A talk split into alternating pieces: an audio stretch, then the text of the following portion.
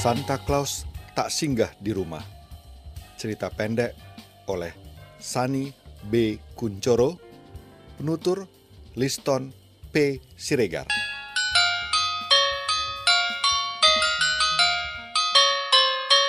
Adakah pijar yang lebih bahagia dari cahaya lampu aneka warna pada deretan etalase toko di pusat kota menjelang malam Natal? Di antara dominasi warna hijau dan merah beragam ornamen, segala warna seolah tak kehilangan semangat untuk terus berkedip kemayu, menawarkan berbagai hal demi kemeriahan Natal dan tahun baru sekaligus. Dan lihatlah, arus pembeli yang tak habis itu berbaris rapi di meja kasir mempersiapkan kartu-kartu untuk digesek. Temperatur di bawah nol dan taburan gerimis salju alih-alih menjadi penghalang. Justru menjadi pelengkap perjuangan merealisasikan wishlist yang telah disusun jauh di awal musim.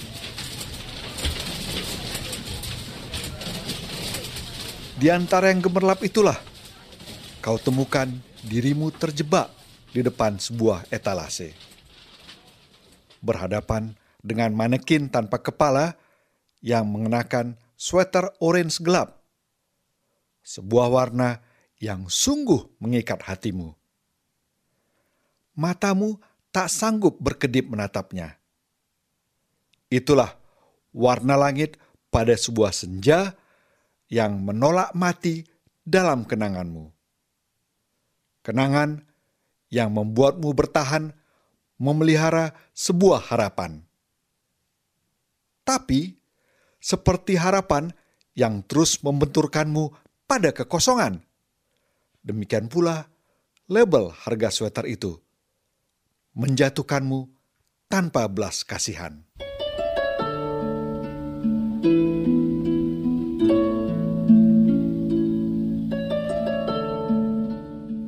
Sabar, tunggu hingga semua perayaan ini selesai. Saat harga-harga melorot jatuh di akhir musim, akal warasmu berkata, "Pertanyaannya, apakah yang satu ini akan bertahan menunggumu?" Dia terpajang di etalase, membuat setiap mata menengok padanya. Apakah harganya belum turun? Jemari kecil di dalam genggamanmu bergerak lembut.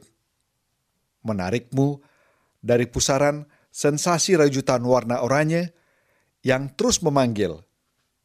Kau menggeleng cepat. Apakah ibu akan memeriksanya setiap hari? Lagi, bibir kecil itu bertanya. Kau tersipu, merasa terpergok, sedang mengais harapan yang nyaris mimpi, justru oleh anakmu sendiri yang kerap kau redakan mimpi-mimpinya. Ini dana beasiswa nak, untuk membeli buku, bukan mainan atau jajanan sebaris alasan yang telah menjadi kalimat mantra bagimu. Ibu sangat ingin ya baju itu? Buah hatimu itu menggoda. Kau tertawa malu, lalu mengangguk dan menarik tangan kecilnya melanjutkan langkah. Warnanya bagus bukan? Benangnya tebal, tak berserabut. Katamu memberikan alibi atas pilihanmu. Mungkin ibu bisa mendapatkannya. Nanti kutanyakan Brenda. Brenda yang berambut emas itu? Demikian anakmu menamai rambut pirang sahabat sebangkunya. Kenapa Brenda? Supaya dia menambah jatah rumput untukku. Rumput? Lagi kau bertanya. Tak kau temukan kesinambungan sweater warna senja, Brenda, dan rumput. Kau tahu bahwa imajinasi anak-anak sama sekali bukan tandingan logika berpikir manusia dewasa. Secerdas apa pun otak dewasa itu. Namun, setidaknya otakmu belum terlalu tumpul untuk mereka-reka imajinasi liar sekaligus lugu anakmu sendiri.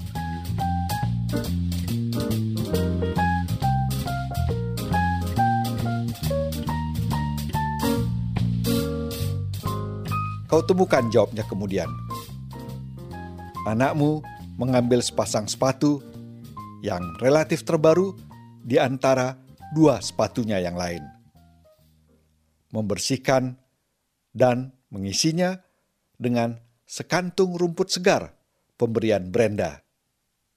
Diaturnya rumput dengan rapi, mengisi lubang sepatu. Besok malam diletakkan di depan pintu kata Brenda. Santa Claus akan lewat dan kalau rusa penarik kereta memakan rumput ini, maka pemilik sepatu boleh memilih hadiahnya. Anakmu menjelaskan dengan bersemangat. Akan kuminta rumput lagi untuk sepatu ibu. Kau tercekat, bukan karena berhadapan dengan imajinasi di luar batas, melainkan merasa justru ironis bahwa ternyata inilah saatnya kau harus menghadapkan anakmu pada pemahaman tentang perbedaan, tentang kotak-kotak yang tak sama. Tapi Santa Claus tidak singgah pada rumah yang tidak merayakan Natal, katamu pelan. Kau merasa berhadapan dengan sebutir apel ranum, dan kalimatmu menjadi pisau yang akan membelah-belahnya. Anakmu terkejut, tapi Brenda bilang,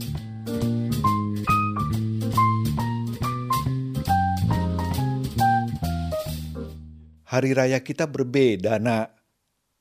Matamu menatap memohon pengertian. Terdiam anakmu sesaat. Matanya berkedip-kedip menyeratkan sanggahan. Dan kau ingatkan padanya tentang hari raya yang kalian rayakan di kampung halaman beberapa tahun lalu. Begitu ya? Ibu yakin Pak Santa Claus itu tidak singgah? Dia meragukanmu. Kau mengangguk. Dan kau melihat sebuah harapan yang memudar. Dengan sirat kecewa yang tak tersembunyi, matanya menatap sepasang sepatu merah berisi rumput segar. Kau merasa tak berdaya. Tapi aku tetap ingin memberikan rumput ini untuk urusannya. Banyak anak-anak di sekitar rumah akan membuat Pak Santa lama berkeliling membagi hadiah. Mungkin membuat rusak kelaparan, gumam anakmu kemudian. Dibukanya pintu balkon, meletakkan sepatu berumput pada teras yang sempit. Menatap satu kali lagi, sebelum kemudian menutup pintu. Bibirmu bergetar, bukan karena dingin oleh udara yang menerobos saat pintu terbuka, melainkan karena ketulusan hati seorang anak. Mulialah hatimu, nak.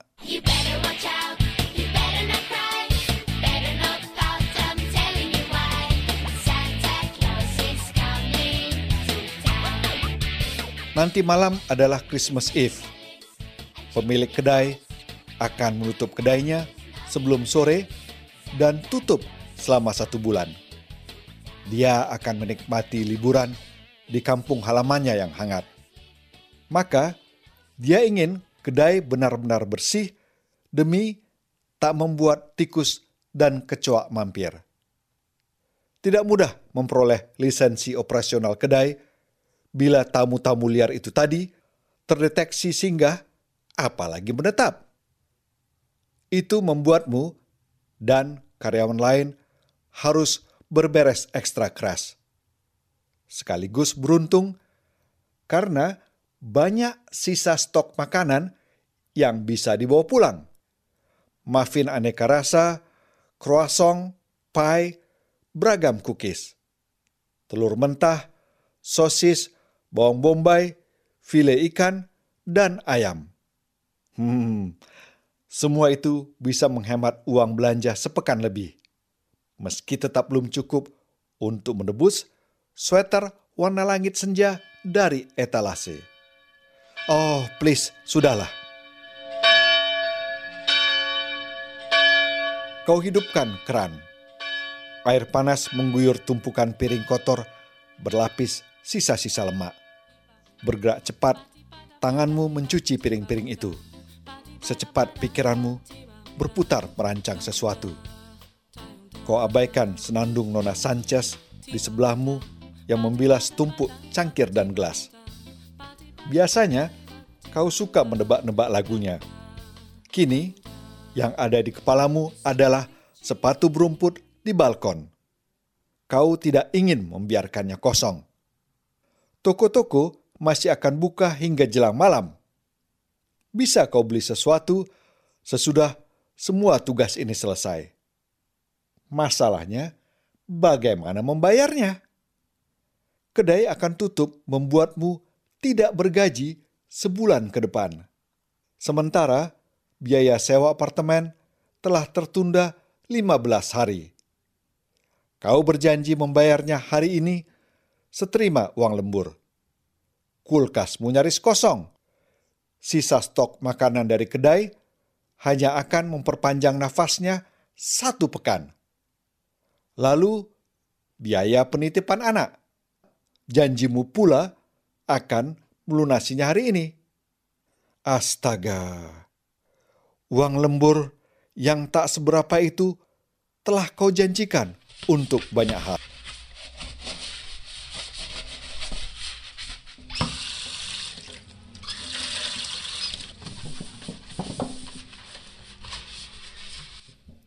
Di tanganmu, spons berputar cepat menyeka lemak. Sebaliknya, putaran di benakmu justru melambat. Bahkan seolah berhenti. Membuatmu tak juga menemukan cara memberikan kebahagiaan ala kadarnya pada anakmu.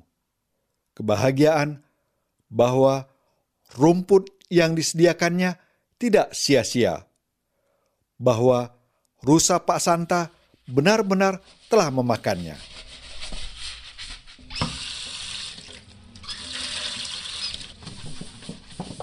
Rumahmu di Dalverton Road, bukan? Searah dengan rumah Nyonya Gerda? Tanya bos mendadak saat kau melepas apron yang kuyup. Pelanggan sepuh yang selalu datang minum teh sore itu? Kau mengangguk. Dia tak datang beberapa hari ini kakinya bengkak, membuatnya tak bisa berjalan jauh. Minggu lalu, dia memesan ginger cookies dan titip tukar pecahan uang kecil. Bos menjelaskan. Disebutkannya sejumlah angka. Tak sedikit, tak pula besar. Cukup untuk menebus sesuatu dari toko mainan yang akan membuat seorang anak bahagia. Apakah kau bisa mengantarkannya pada Nyonya Gerda saat pulang nanti? Kau mengangguk cepat, sangat segera. Tak perlu waktu lebih untuk menimbangnya. Bukan karena rumah itu searah dengan apartemenmu, melainkan karena seolah kau temukan celah dari segala yang buntu.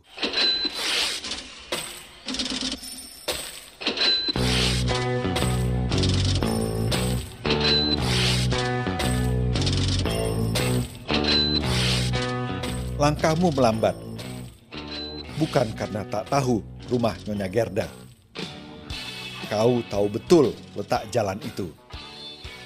Itulah jalan yang akan kau temukan pada simpang di depan, belok ke kanan. Sebuah blok berisi rumah-rumah kecil berpagar rendah dengan pintu aneka warna. Bos mengatakan pintu tujuanmu berwarna putih nomor 5 akan kau temukan dengan mudah dalam beberapa langkah. Namun, kau berdiri bimbang. Bungkusan biskuit jahe dan amplop recehan rapi di dalam tas. Erat dalam dekapanmu. Hatimu berdebar dalam kecamuk yang bimbang. Langit sore pada musim dingin menerbangkan awan kelabu. Tapi bukan itu yang membuatmu menggigil, melainkan jalan buntu di dalam kepala. Entah beberapa menit kemudian, kau temukan langkahmu bergerak pada arah yang terpilih, bukan kanan, menjauh dari pintu putih yang belum kau temukan.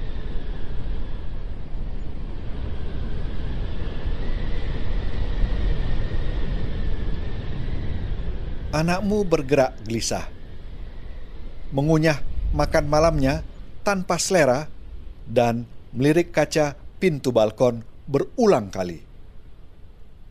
Langit gelap di luar sana dengan taburan salju tipis. Lampu berkilauan aneka warna dari pohon dan rumah-rumah. Sebuah Christmas Eve yang sempurna. Persis seperti citra Natal yang dulu kau temukan pada kartu Natal di toko. Kini akan ditemukan pada lini masa berbagai media sosial. Dan itu semua menjadi dunia nyatamu hari ini. Tapi bukannya ketakjuban, justru gelisah mendatangimu menunggu Pak Santa. Anakmu tersipu. Dilahapnya cuilan ikan berlapis panir di piring. Aku ingin melihat rusa itu. Apakah mereka benar-benar tidak akan singgah di rumah kita? Entahlah, gumamu mengambang. Tak tega meruntuhkan harapan yang terbangun dari keluguan nan bersih. Mengapa Tuhan kita tidak memiliki Santa Claus, Ibu? Tuhan kita mengirimkan malaikat penolong yang lain, jawabmu. Akan kita temukan dalam doa. Sambung anakmu menghafal apa yang selalu kau katakan padanya. Mendadak kau tercenung. Cara anakmu meneruskan kalimat itu seolah begitu besar keyakinannya. Doa Sementara bagimu justru beralih menjadi rutinitas dan memberi keyakinan yang justru hilang timbul. Betapa rapuh imanmu sebenarnya.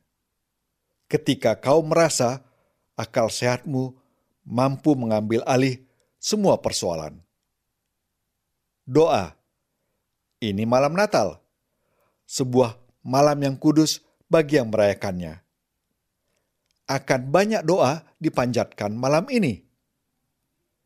Akankah suara lilihmu terdengar dari negeri yang asing dan jauh ini? Tatap matamu bergerak.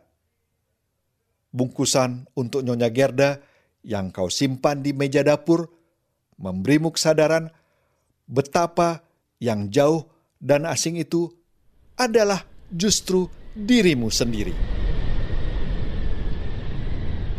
Ambil mantelmu. Ayo, ikut ibu sebentar. Katamu sembari bangkit. Gerimis salju belum reda. Tapi tidak mungkin meninggalkan seorang anak sendirian. Kau ikatkan sel tebal di seputar lehernya. Kita akan ke mana?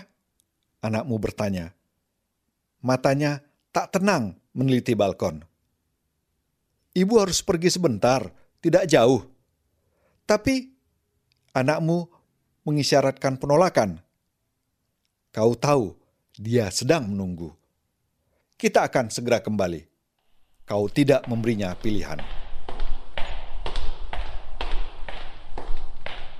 Dengan langkah bergegas, bahkan anakmu setengah berlari demi mengejar gerakmu yang tergesa, segera kau temukan rumah berpintu putih.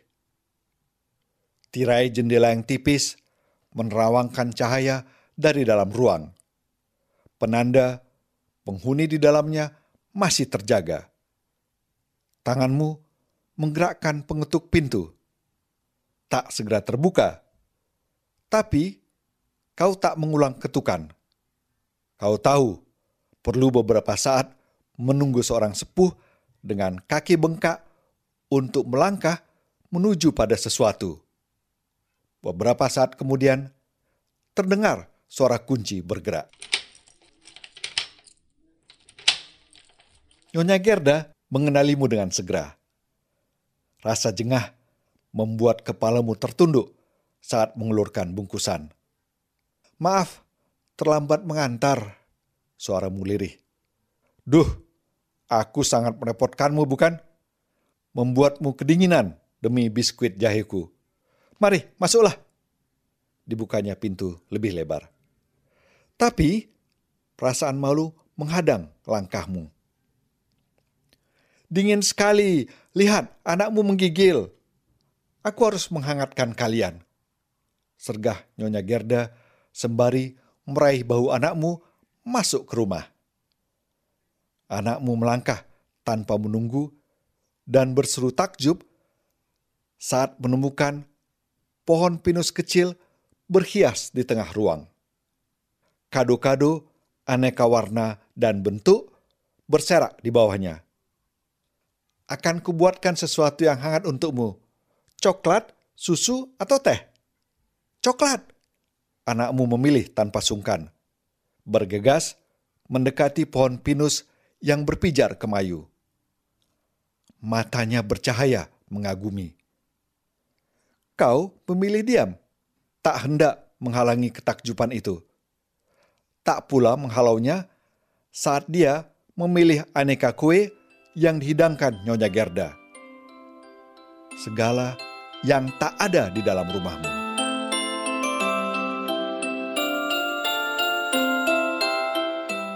Kado Nyonya banyak sekali. Semua dari Pak Santa Claus. Nyonya menyediakan banyak sepatu berumput. Rusa itu makan semuanya. Tanya anakmu beruntun. Rasa penasaran sangat kentara. Nyonya Gerda tertawa. Kau juga menghias sepatumu dengan rumput. Anakmu mengangguk. Hari raya kami berbeda. Pak Santa tidak akan mampir di rumahku. Tapi aku tetap ingin memberi rumput pada rusa terbang itu. Rusa tidak berhari raya, bukan? Dia tetap boleh makan rumputku. Nyonya Gerda terkejut sesaat. Bersilang pandang denganmu. Tanpa kata, tatap mata kalian saling bercerita. Mata dengan kelopak berkeriput itu kemudian berkedip mengisyaratkan sesuatu. Ah, Pak Santai itu sudah tua, kakinya sedang bengkak pula sepertiku. Membuatnya malas berkeliling. Jadi, dititipkannya sebagian kado-kado di sini, termasuk kado untukmu. Dia berpesan, kau boleh memilih sesuka hatimu. Mata anakmu membesar seketika. Hah? Benarkah? Meskipun aku tidak merayakan Natal? Nyonya Gerda mengangguk. Pak Santa Claus suka pada anak yang baik hati.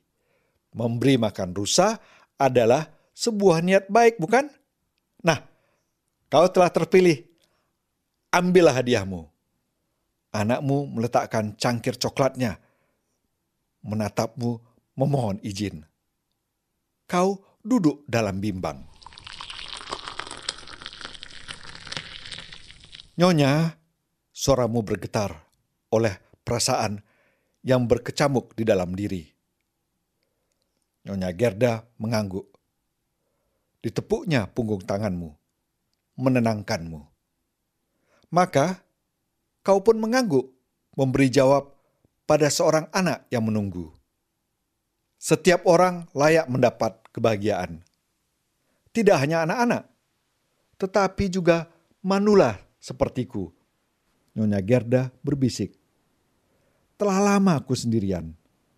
Setiap Natal kubungkus hadiah, berharap ada yang menemaniku merayakannya. Kedatangan kalian malam ini adalah hadiahku. Terima kasih.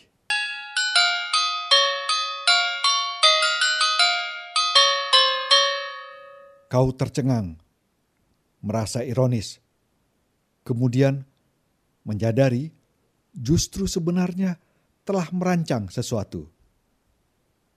Maafkan saya, titipan ini seharusnya diantar sore tadi, tapi saya, ucapmu terbata, lidahmu kelu bagai tak sanggup berkata. Tapi kau sanggup lagi berbohong, bahkan pada dirimu sendiri.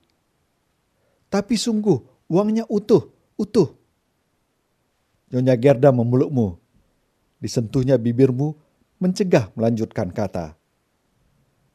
Aku paham apa yang sedang kau hadapi.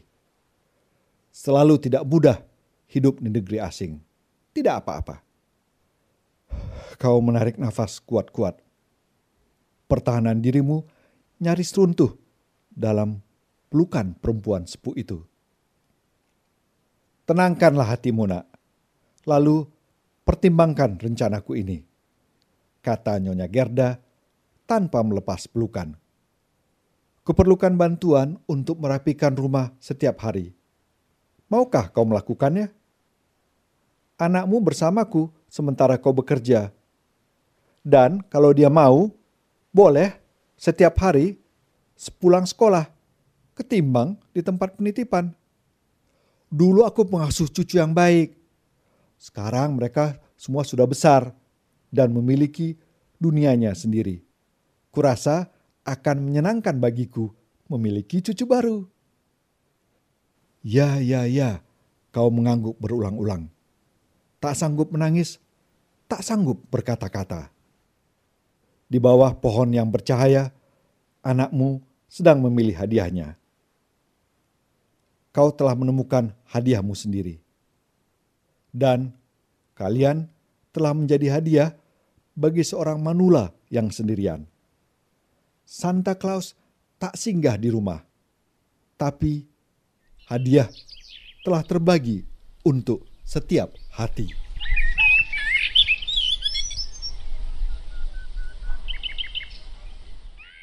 Pagi hari, matahari musim dingin berbagi cahaya yang redup. Kau membuka pintu balkon. Ada genangan air sisa salju semalam. Sedikit rumput berserak di seputar sepatu anakmu. Hanya sejumput. Apakah ini rumput sisa? Tidak ada kado, hanya secari kertas. Itulah kertas dengan tulisan tangan anakmu tentang hadiah pilihannya. Rasa ingin tahu seketika tak sanggup mencegahmu membuka lipatan kertas.